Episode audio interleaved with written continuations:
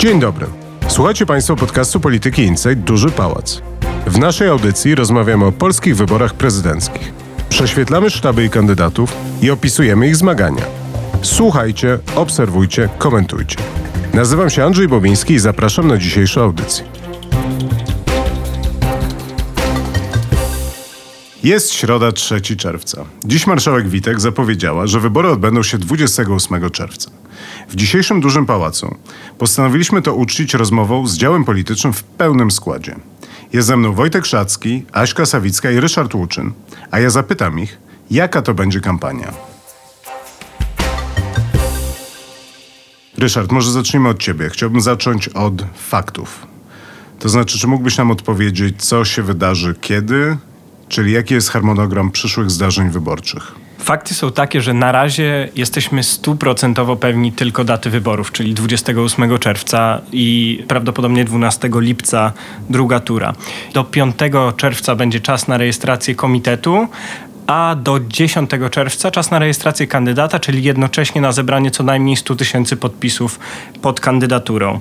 Są jeszcze różne czynności techniczne. Z tych ważniejszych to do 15 czerwca mają zostać powołane obwodowe komisje wyborcze, czyli te podstawowego, niższego poziomu, a do 21 czerwca Państwowa Komisja Wyborcza na wniosek ministra zdrowia będzie mogła zarządzić na danym terenie w razie kiepskiej sytuacji epidemicznej głosowanie wyłącznie korespondencyjne. Dobrze, to teraz drugi element tej układanki. Aśka, może opowiedziałabyś nam, jak wyglądają obecnie sondaże, jakie poparcie mają najważniejsi kandydaci w tym wyścigu wyborczym? Będę mówić o średniej sondażowej. Skupię się na czterech ostatnich sondażach, czyli przeprowadzonych badaniach w ostatnich 10 dniach maja. Wszystkie to były badania IBRIS-u dla różnych mediów. Według nich średnia dla prezydenta Dudy wynosi w tym momencie 44%. Na drugim miejscu jest Rafał Trzaskowski z 27%. Potem jest duża luka i 12%. Trzecie miejsce ma Szymon Hołownia. Władysław Kosiniak-Kamysz ma 8%, dalej jest Krzysztof Bosak 6% i na ostatnim miejscu z niespełna 3% kandydat lewicy Robert Biedroń. Mogę jeszcze dodać, że widać też w ostatnich sondażach, to znaczy możemy porównać tę średnią z uśrednieniem badań z całego prawie maja, to znaczy od momentu przystąpienia do wyścigu Trzaskowskiego i widać, że tutaj Trzaskowski w ostatnim czasie urósł. W całym maju miał mniej więcej 20% poparcia, czyli tutaj ma siedmiopunktowy wzrost w ostatnich dniach. W tym czasie prezydent Duda stracił 3 punkty poparcia a pozostali kandydaci mniej więcej zachowują podobne wyniki. Znaczy ja bym jeszcze dodał, że chyba jednak poza tą pierwszą dwójką, to tam też są dosyć widoczne trendy, to znaczy bardzo silne spadki po tym, jak Trzaskowski przystąpił do... To są spadki w momencie przystąpienia Trzaskowskiego, to znaczy rzeczywiście w momencie, kiedy Platforma zmieniła swojego kandydata, to kilka punktów procentowych stracił Szymon Hołownia, też kilka, ale większe kilka stracił Władysław Kosiniak-Kamysz, to znaczy Hołownia spadł z mocnych kilkunastu na jakieś właśnie 12, przy których się trzyma, a Kosiniak spadł z mocnych kilkunastu na 8 i też w tym momencie już się tych 8 trzyma. I urósł lekko pewnie Krzysztof Bosak. Dobrze, to teraz chciałbym was zapytać o te widoczne, obserwowalne trendy. To znaczy, czy to jest tak, że ta trajektoria sondażowa, którą widzimy, to jest tak, że ten maj już wyznaczył trochę mniej więcej te, te punkty procentowe, wokół których będą się kręcili w najbliższym czasie ci kandydaci, czy to jest tak, że cały czas Przykładowo Andrzej Duda będzie tracił, Rafał Trzaskowski będzie rósł, żywiąc się wyborcami Szymona Hołowni i Władysława Kośniaka-Kamysza na przykład. Ja tu jeszcze chciałabym, zanim przejdziemy do naszych własnych rozważań i dywagacji, przywołać bardzo, moim zdaniem, ciekawy sondaż z Ibrisu znowu, opublikowany dzisiaj w tygodniku Polityka. To jest sondaż o tym, jakie potencjały mają poszczególni kandydaci i on nam podpowiada, do czego oni mogą rzeczywiście dążyć, do jakiego wyniku mogą zmierzać przy lepszej bądź gorszej kampanii w pierwszej turze. I tutaj na przykład Andrzej Duda mając w sumie potencjał 48% w tej pierwszej turze, to 38% jego elektoratu to jest elektorat bardzo twardy i stabilny. Więc nawet jeżeli spadł w ostatnich tygodniach czy dniach o kilka punktów i ma teraz te 43-44%, to raczej poniżej 38 nie spadnie, a ten 38 to byłby taki najgorszy już spodziewany dla niego wynik. Rafał Trzaskowski mniej więcej dobił do najlepszych wyników Małgorzaty Kidawy-Błońskiej. Ja pamiętam jej najlepszy wynik sondażowy jeszcze chyba w styczniu, czy na początku lutego to był 30,5%.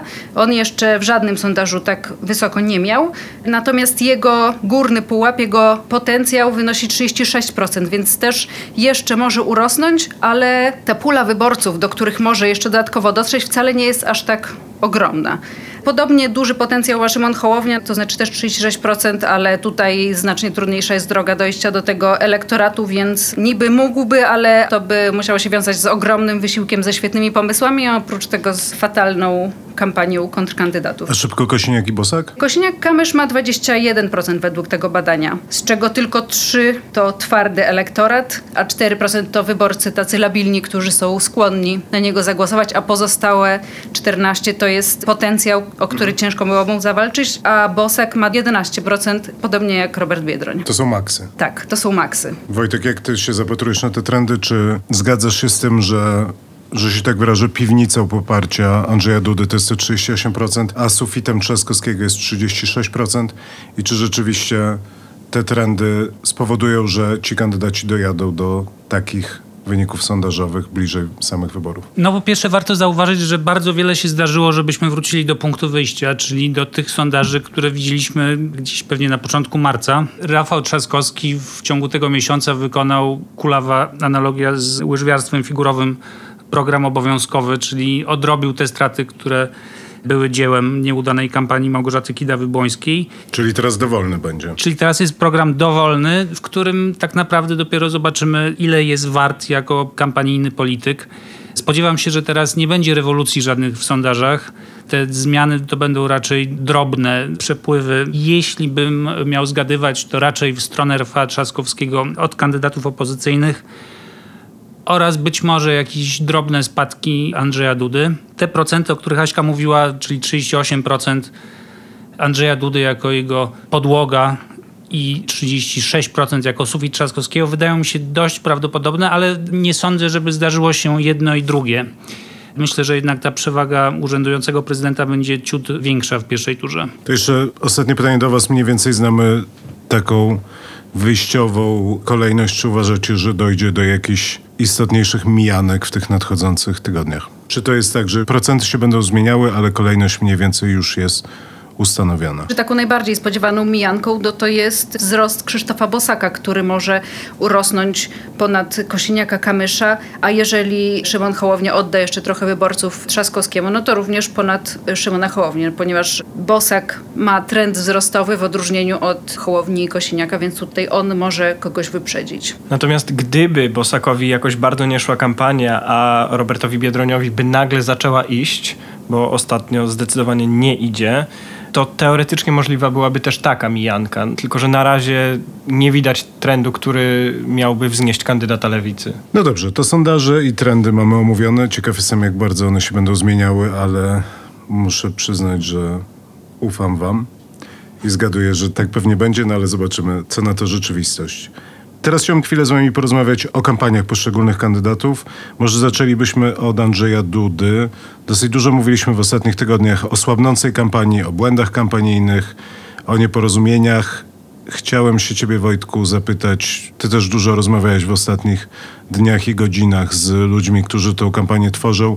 Czy coś się zmieniło, czy nadal ta kampania idzie jak po grudzie, czy może jest jakieś światełko w tunelu dla Andrzeja Dudy i jego kampanii wyborczej. No w tej kampanii bardzo dużo się dzieje. Prezydent jest bardzo aktywny, jeździ po Polsce, ogłasza różne inwestycje, projekty, spotyka się z ludźmi.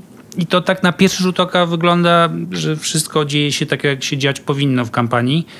Ale jak się trochę poskrobie w tym, no to wyłażą różne dziwne historie, spory i duże różnice zdań. Ja rozmawiałem, tak jak mówiłeś, z różnymi ludźmi z otoczenia prezydenta i z otoczenia kampanii. Jedni twierdzą, że kampania oczerniająca Rafała Trzaskowskiego w mediach publicznych, czyli dzieło Jacka Kurskiego, pomaga Andrzejowi Dudzie, ponieważ mobilizuje jego wyborców, strasząc człowiekiem, który jest zamieszany we wszystkie brudne sprawki trzeciej RP i zrobi piekło Polakom. Inni z kolei twierdzą, że to jest powtórka z rozrywki, czyli z kampanii z 2018 roku, w którym telewizja polska równie ofiarnie atakowała Rafała Trzaskowskiego w kampanii warszawskiej. I to się skończyło jego zwycięstwem już w pierwszej turze nad Patrykiem Jakim. Jedni moi rozmówcy uważają, że to jest znakomity pomysł, żeby sklejać prezydenta z premierem i pokazywać Andrzeja Dudę jako takiego pomocnika rządu, współtwórcę wszystkich programów. Stąd ta wizyta na Mierzei Wiślanej, gdzie z premierem prezydent poszli na piwo i ukazało się zdjęcie w mediach społecznościowych z tego. I ci ludzie mówią, że no, to jest wspaniały przekaz, bo to pokazuje, że nie będzie wojny na górze, jakby się to wydarzyło w przypadku zwycięstwa kandydata opozycyjnego, a inni z kolei, moi rozmówcy twierdzą, że to jest fatalny pomysł, ponieważ prezydent walczy o większe poparcie niż ma rząd i takie sklejenie prezydenta z pisem mu zaszkodzi. I gdziekolwiek, cokolwiek tknąć z tej kampanii, no to słychać różne głosy i nie wiem do końca, co jest źródłem tego bałaganu, czy też tego wielogłosu. Słyszę o dwóch takich źródłach. Po pierwsze o bałaganie w sztabie, w którym nie wyklarowało się takie wyraźne kierownictwo. Joachim Brudziński, słyszałem mnóstwo narzekań na pracę tego europosła oddelegowanego do kierowania kampanią, że nie ma czasu, że jest mało aktywny, że poświęca czas swoim obowiązkom europoselskim. Zresztą nie widać go specjalnie w mediach. Ja bym zadał pytanie, czego widać w Parlamencie Europejskim. Znaczy mam takie poczucie, że to jest ten taki częsty zarzut, że europosłowie tak dużo czasu poświęcają swoim obowiązkom europoselskim, ale ja trochę nie wiem, co to znaczy. No, w sensie, to trzeba, by... trzeba by zapytać dział europejski. Ale również Beata Szydło to jest przypadek europosła w kampanii krajowej. Są takie w kuluarach zarzuty, że oni się trochę odkleili od sytuacji politycznej w Polsce, że przestali czuć wyborców, przestali czuć nastroje. Tam jest jeszcze spore grono osób, które mają ambicje, żeby budować wizerunek prezydenta, bo tam jest i Marcin Mastalerek, który skłócił się przed laty z PiSem, ale pozostał bardzo ważnym doradcą prezydenta. Tam jest Adam Bielan, który jest wciąż formalnie z porozumienia Jarosława Gowina, chociaż ciąży mocno ku Nowogrodzkiej. I tam są skłóceni z Bielanem PR-owcy związani z Nowogrodzką, czyli Anna Plakwicz i Piotr Matczuk. Z tego wszystkiego wyłania się obraz pewnego chaosu decyzyjnego, bałaganu. Myślę, że z zarządzaniem tam nie jest najlepiej, chociaż żadnego posiedzenia sztabu nie widziałem.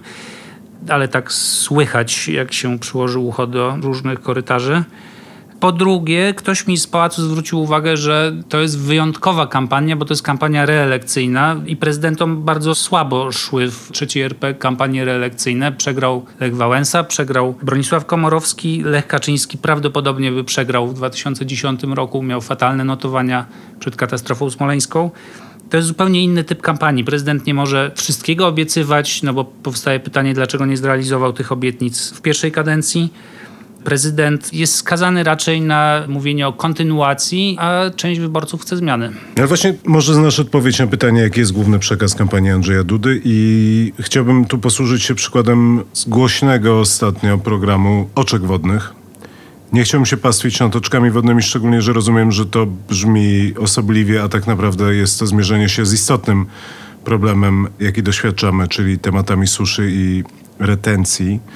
Ale mam takie poczucie, że ja nie do końca rozumiem, do kogo mówi Andrzej Duda i co dokładnie próbuje powiedzieć. Znaczy, ja używam tutaj pewnych karykatur przekazów, ale od TikToka przez ostry cień mgły aż po oczka wodne, mam wrażenie, że ten przekaz jest bardzo niejasny i nie do końca dociera i trafia w potrzeby wyborców, w potrzeby Polaków i też w czas, w którym się znaleźliśmy, to znaczy ten czas pandemiczny albo popandemiczny, w zależności od tego, jak na to patrzymy, i też taki moment no, dużych jednak problemów gospodarczych. No zgoda. Moim zdaniem Andrzej Duda znalazł się niebezpiecznie blisko takiej granicy, którą prawdopodobnie większość czołowych polityków w którymś momencie przekracza, czyli nagle wszystko to, co robisz, staje się śmieszne, karykaturalne, nietrafione, niewspółgrające z nastrojami, z czasem, z wydarzeniami. I te oczka wodne, no, to jest projekt, który powinien ogłaszać pewnie minister, pochwalić się na konferencji prasowej.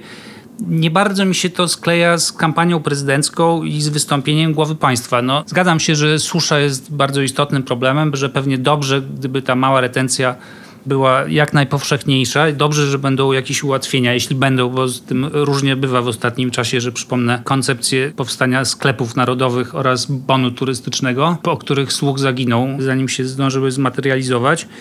Więc to oczko wodne być może nawet jest jakoś sensowne, ale jest bezsensownie sprzedane, ogłoszone i wywołało po prostu rechot w internecie co można krytykować, ale trudno zignorować z kolei. No, jest tak, że nagle prezydent budzi śmiech znacznych grup wyborców. Natomiast wygląda na to, że ostatnio sztab Andrzeja Dudy pokłada sporą nadzieję w mówieniu o wielkich publicznych inwestycjach i podkreślaniu tego, że takie inwestycje jak Centralny Port Komunikacyjny czy przekop Mierzei Wiślanej będą możliwe tylko w sytuacji dobrej współpracy premiera z prezydentem. I to, jak się wydaje, ma współgrać z tą właśnie narracją, że opozycja mąci, czego codziennie dowiadujemy się z wiadomości, a jak Rafał Trzaskowski zostanie prezydentem, to zmąci wszystko, co tylko da się zmącić i nic już nie zbudujemy jako naród. I to mnie zastanawia, bo to jest jakaś taka rozmowa sprzed paru lat, która ze mną bardzo silnie została, to znaczy o tym, że żeby PiS wygrywał wybory i rządził, potrzebne jest, żeby stał na dwóch nogach, na tej nodze modernizacyjnej i na tej nodze socjalnej. A mam wrażenie, że w tej kampanii, w odróżnieniu od poprzedniej kampanii sprzed pięciu lat, ale też poprzednich kampanii parlamentarnych PiSu, bardzo słabo wybrzmiewa ta noga socjalna. To znaczy właśnie ten przekaz taki modernizacyjno-inwestycyjny, to pokazywanie się z Mateuszem Morawieckim, które jest niewątpliwie twarzą raczej tej Polski takiej idącej do przodu w jakimś takim marszu cywilizacyjnym ku wielkim inwestycjom i wielkiej Polsce, opartej na szalejącej gospodarce, to tutaj mi brakuje właśnie przykładowej Baty Szydło w tym przekazie, która też nie dość, żeby się tylko pokazała, ale też miałaby coś do powiedzenia i jeszcze do tego to by jakoś brzmiało. No ale teraz o to jest bardzo trudno, bo sytuacja gospodarcza jest jaka jest i wkrótce się okaże, że prawdopodobnie różne cięcia trzeba będzie wprowadzać Czeka nas co najmniej jeden rok spowolnienia gospodarczego, mówiąc wprost recesji i to kilkuprocentowej, więc zarówno pisanie przyszłorocznego budżetu będzie bardzo ciężkie, jak i jego wykonanie. Na pewno trzeba będzie nowelizować budżet już w tym roku. Więc ta przestrzeń dla polityki socjalnej, ogłoszenia nowych programów wydatków jest minimalna. Ja myślę, że to bardzo dobrze jest pokazać na przykładzie. Przypomnijmy sobie nową umowę programową, którą Andrzej Duda podpisał z Solidarnością. W tej umowie, podobnie jak 5 lat temu, znalazła się zapowiedź wprowadzenia emerytur stażowych. Czy gdziekolwiek poza tą umową słyszeliśmy tę zapowiedź? Na jakiejś konferencji? Ja nic takiego nie słyszałem.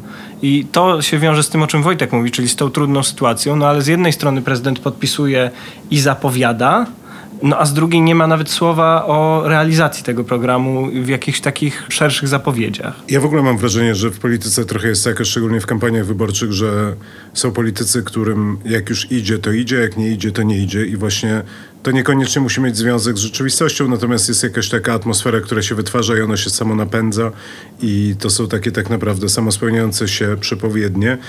I taką mam wrażenie, samo spełniającą się przepowiednią jest ta dobra kampania Rafała Trzaskowskiego, to znaczy ja mam takie poczucie, że Rafał Trzaskowski oraz jego otoczenie uwierzyło w to, że to się może udać, uwierzyło w to, że Trzaskowski jest świetnym kandydatem i teraz mam takie poczucie, jak się to obserwuje, że tam po prostu to kipi od dobrych emocji ta kampania. Niezależnie od tego, jakby jak ona jest, czy jakim kandydatem jest Rafał Trzaskowski, ale że jest jakaś taka wytworzona, pozytywna energia. Tak, na pewno jest tak, że Platforma Obywatelska weszła na falę, co jest o tyle zaskakujące, że jeszcze może kilka tygodni temu niektórzy prawie już składali te partie do grobu, a w tym momencie nagle udało się znaleźć dobrego człowieka, na odpowiednim miejscu z odpowiednim charakterem, wizerunkiem, który pasuje i wszystkim nagle dodał mnóstwo energii i który stał się bardzo dobrym kandydatem na prezydenta. Ja w ogóle zaryzykowałem stwierdzenie, że to jest najlepsza wersja Rafała Trzaskowskiego w polityce, jaką dotychczas dało się zobaczyć i poznać, bo mam wrażenie, że jednak Rafał Trzaskowski, kandydat na prezydenta Warszawy, wcale nie radził sobie tak dobrze. I tak jak teraz możemy udawać, że my mieliśmy świadomość tego, że ta kampania warszawska dobrze mu szła, to zgaduję, że jakbyśmy jednak posłuchali naszych starych podcastów, to tam dosyć narzekaliśmy na tę kampanię. Mieliśmy wrażenie, że tam są i te ławeczki, jakieś błędy kampanijne. Tak, tak. Jak dobrze pamiętam, jak myśmy opisywali tę kampanię, my wcale nie byliśmy zachwyceni. Jeszcze sobie nawet teraz przypominałam niedawno nasze analizy. Ta kampania się wydawała właśnie taka trochę ospała. Trzaskowski nie wydawał się idealnym kandydatem na to stanowisko. Zresztą mam wrażenie, że o Trzaskowskim zawsze wiele osób myślało, że jest y, bardzo sprawnym politykiem, bardzo dobrym politykiem, ale odkąd odszedł z Europarlamentu, to nie do końca pasuje do miejsc, w których się politycznie znalazł. Ani w tym Ministerstwie Cyfryzacji, potem było trochę lepiej, jak był wiceministrem spraw zagranicznych i doradcą Kopacz, ale potem posłem w tym Sejmie kompletnie mam wrażenie nie mógł się odnaleźć, zresztą sam to niedawno przyznawał. Prezydenta Warszawy też sobie jego nie wyobrażaliśmy jako idealnego prezydenta i z różnych stron dochodziły słuchy, że nie kocha tej swojej pracy. A teraz mam wrażenie, że rzeczywiście wpasował się w to stanowisko, o które się zabiega. No jak nie kocha swojej obecnej pracy, to nic dziwnego, że tak bardzo chce ją zmienić. Ale zwróćmy waszą uwagę, że te różne rzeczy, które wydawały się, że będą bardzo istotne w tej kampanii, praktycznie są niewidoczne i to też jest w dużej mierze zasługa sztabu który jeszcze nie istnieje, oczywiście Rafała Trzaskowskiego i samego Rafała Trzaskowskiego, czyli no, nie, jednak nie ma bardzo dużo czajki, już abstrahuję od Wyspy Koziej, czy jakkolwiek ona się nazywała, czy od e, strefy relaksu i palet, czyli takich tematów, które uwielbiają ludzie typu Sebastian Kaleta, no jakoś to nie jest przekaz, który w tym momencie jest jakkolwiek obecny. Mam wrażenie, że Rafał Trzaskowski takim szybkim, sprawnym krokiem przeszedł do przodu, zostawił to za sobą i idzie zupełnie innym przekazem. No może powiem tak, a karawana jedzie dalej. Tak, to jest dla mnie ciekawe, zwłaszcza, że mam wrażenie, że on się zupełnie nie odciął od tej Warszawy, tylko poszedł krok do przodu, tak jak ja staram się obserwować jego działalność jako prezydenta Warszawy od tych nastu miesięcy, to teraz jako prezydenta jest go więcej niż wcześniej. On bardzo dużo komunikuje o jakichś tam nowych inicjatywach, o nowych inwestycjach. Mówi o tym, że zbiera raporty z sytuacji koronawirusowej w Warszawie. Przedstawia siebie jako taki dobry gospodarz, którym nie zdawał się być przez ostatnie miesiące. A przechodząc jeszcze do innych kandydatów, bo trochę o nich zapominamy, mam wrażenie, że kampania Szymona Hołowni jakoś tak się zabuksowała i że od pewnego czasu bardzo ciężko Szymonowi Hołowni jest przebić się z jakimś nowym przekazem, a tak naprawdę z jakimkolwiek przekazem. Czy ty, Aśka, obserwując tę kampanię, masz poczucie, że tam jest jeszcze jakiś potencjał wzrostu? Czy jest jakieś miejsce na nowe pomysły? Czy Szymon Hołownia jest w stanie wrócić do gry? Tak, oczywiście to jest y, ciekawe pytanie, które sama sobie stawiam. Mam wrażenie, że celem ich, które sobie wyznaczyli po starcie Rafała Trzaskowskiego była obrona jak największej grupy elektoratu, który dotąd udało im się zwerbować i przeczekanie takiego momentu efektu nowości Trzaskowskiego. Oni sami sobie zadawali pytanie, ile on może trwać i sami nie znają odpowiedzi na to pytanie i wiemy, że on jeszcze będzie trwał. Przypominam, że my jeszcze nie znamy sztabu i to będzie jakieś nowe otwarcie Trzaskowskiego, w sensie jeszcze nie znamy programu, więc jakby jeszcze Trzaskowski ma przed sobą ileś dni tej nowości, więc oni się trochę okopali, kontynuując różne swoje live czaty, różne swoje wystąpienia, podróże po Polsce. Swoją drogą rzeczywiście ta jego kampania ostatnio wygląda podobnie do Trzaskowskiego, to znaczy Trzaskowski odwiedza teraz małe miasta na zachodniej ścianie Polski i Hołownia ma mnóstwo bardzo podobnego typu spotkań. Trochę stara się przedstawiać taką narrację antypopisową, to znaczy, że teraz nie idźmy w partyjne spory, potrzebny jest bezpartyjny kandydat. Trochę idzie w jakieś takie emocjonalne drgawki, to znaczy atakuje na przykład gazetę wyborczą za to, że PiS ma swoje media, Trzaskowski ma swoją gazetę wyborczą. My jesteśmy sami, ale damy radę. W emocjonalny sposób broni też swojej żony atakowanej za jeden z wywiadów udzielonych gazecie wyborczej. To jest mało spójne, natomiast mam wrażenie, że ten główny cel w miarę udało im się zrealizować, to znaczy, że oni nie odnotowali aż tak wielkich spadków do tej pory na rzecz Rafała Trzaskowskiego. Trzaskowski w porównaniu do Kidawy Błońskiej zdecydowanie urósł, ma ogromną przewagę nad Szymonem Hołownią, ale to naście procent Hołownia cały czas ma. Inna rzecz, że odrobienie tak dużej straty wydaje się raczej niemożliwe. Tam jeszcze szybko cię zapytam, była taka opowieść o tym, że w sztabie Szymona Hołowni jest dosyć dużo osób, które mniej lub bardziej współpracowały z Rafałem Trzaskowskim albo z osobami, które współpracują ze sztabem Rafała Trzaskowskiego, no i że tam jest nazbierane dużo amunicji wynikającej z tego, że znają jego silne i mocne strony, więc mogą ustawić przekaz kampanijny w taki sposób, żeby Szymon Hołownia mógł ogrywać na różnych odcinkach Rafała Trzaskowskiego. Czy ty to widzisz? Nie, nie widzę tego. Nie widzę tego. Rozumiem, że też nie mam wiedzy tak naprawdę. Nie zauważyłam, żeby oni korzystali z tej amunicji. Być może jej nie mają, być może czekają, aż minie ten największy efekt nowości i świeżości, jak zobaczył jakiś słabszy punkt, żeby wtedy przejść do ataku, ale do tej pory tego nie zauważyłam. Zastanawiam się, czy rozmawiać o Władysławie Kośniaku-Kamyszu w tym momencie.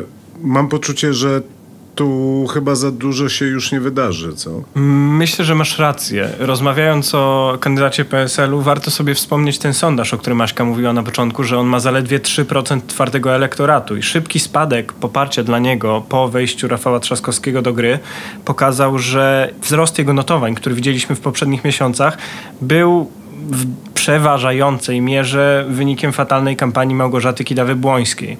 I w związku z tym jeśli coś strasznego nie wydarzy się w kampanii Rafała Trzaskowskiego, myślę, że nie możemy spodziewać się wzrostu Kośniaka-Kamysza. Tutaj warto wspomnieć o jeszcze jednej rzeczy.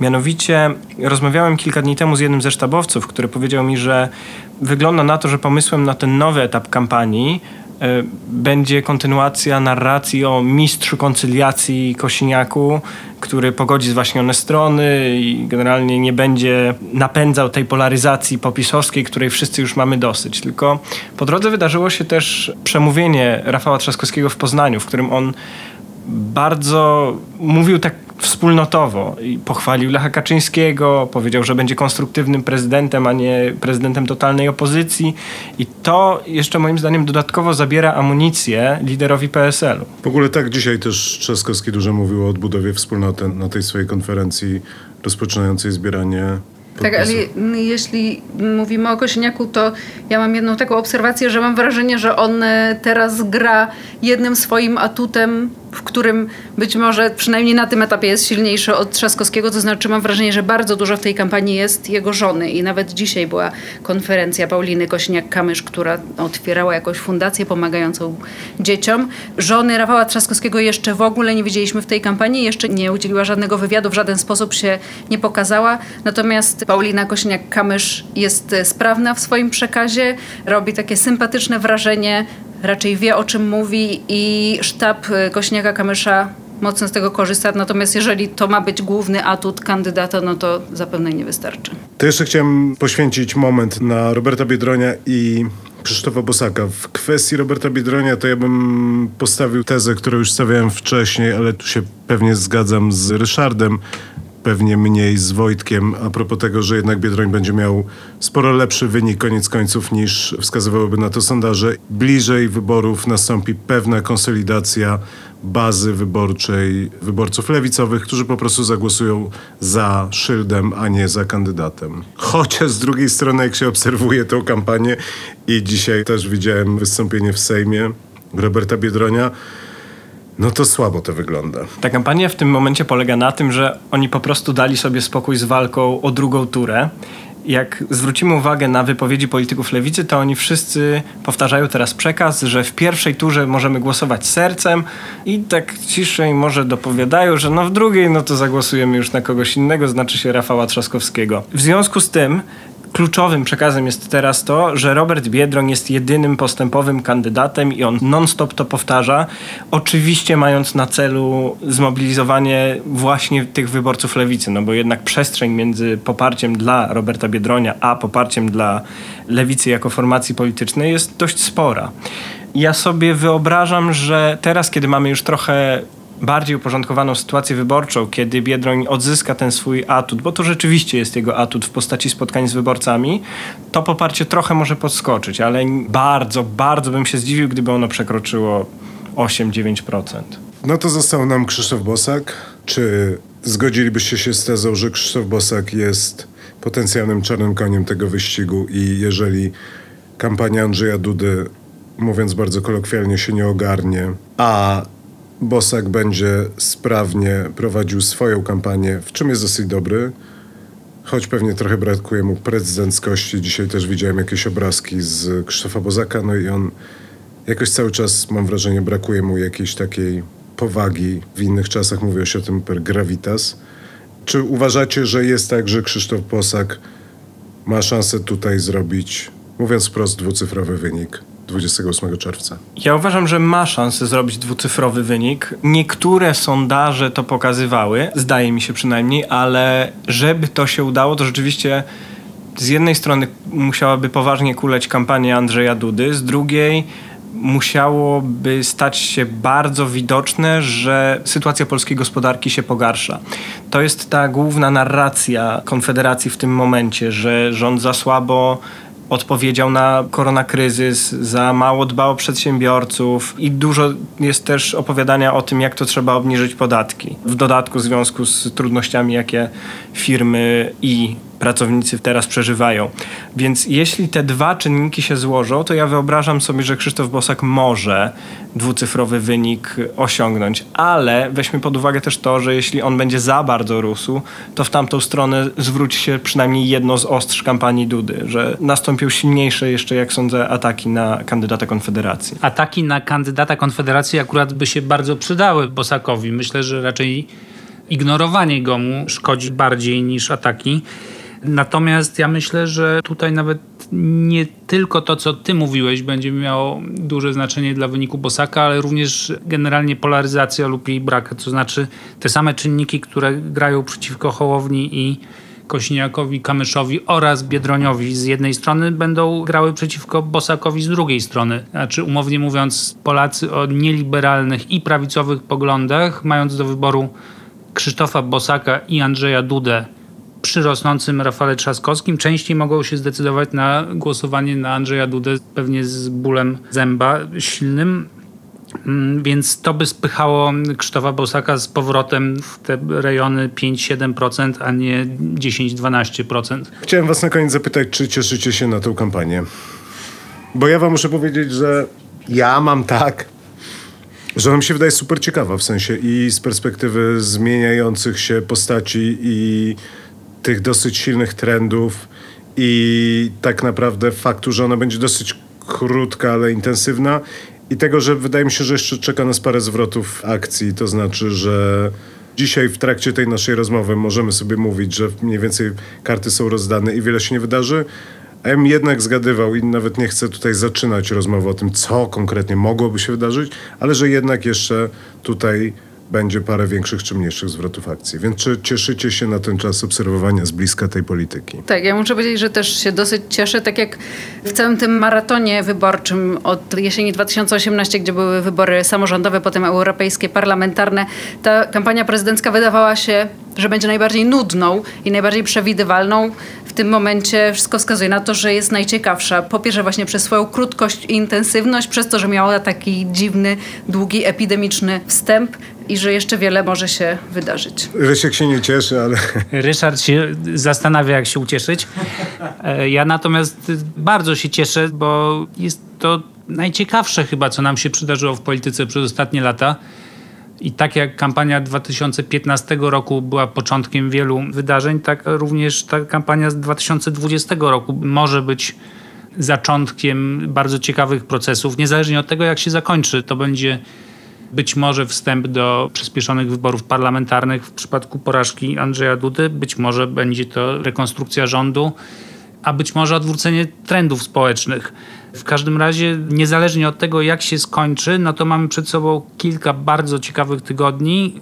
Potem jeszcze dwa tygodnie przed drugą turą bardzo ciekawych zdarzeń a potem być może wakacje niesamowicie ciekawe, więc nic tylko rozmawiać i opisywać. Dobra, słuchajcie, myślę, że za tydzień ja bym chętnie porozmawiał o czymś, co mnie interesuje, na co tym razem nie było czasu, ale wydaje mi się, że to jest bardzo ciekawe, to znaczy strategia, o czym dzisiaj zdaje się, mówił Marek Migalski w telewizji, różne strategie na pierwszą i drugą turę i fakt, że przez to, że ta kampania jest tak krótka, to, że tutaj będzie dochodziło, już dochodzi do takiej dosyć silnej schizofrenii, to znaczy kandydaci zarazem muszą bardzo silnie grać do bazy i mobilizować swoich wyborców przed pierwszą turą, jedną ręką, a drugą ręką machać już do wyborców innych kandydatów, tak żeby myśleć o tym, jak ich przekonać do siebie przed tą drugą turą, więc tutaj też to wzmaga tą dziwność i ciekawość moim zdaniem tej kampanii i bardzo chętnie o tym porozmawiam za tydzień, a tymczasem bardzo Wam dziękuję i do usłyszenia. Dziękuję. Dziękuję. Dzięki. Na dziś to wszystko. Zapraszam w przyszłym tygodniu na kolejny odcinek Dużego Pałacu. Posłuchajcie również naszych innych audycji. We wtorki Energii do Zmiany, w czwartki technologicznego podcastu Przyszłość jest dziś, a w piątki audycji o najważniejszych wydarzeniach politycznych i gospodarczych w Polsce, Europie i na świecie. Znajdziecie nas w serwisach Spotify, Apple Podcasts, Google Podcasts, na SoundCloudzie i w innych aplikacjach, w których słuchacie podcastów. Słuchajcie, obserwujcie i komentujcie. Do usłyszenia.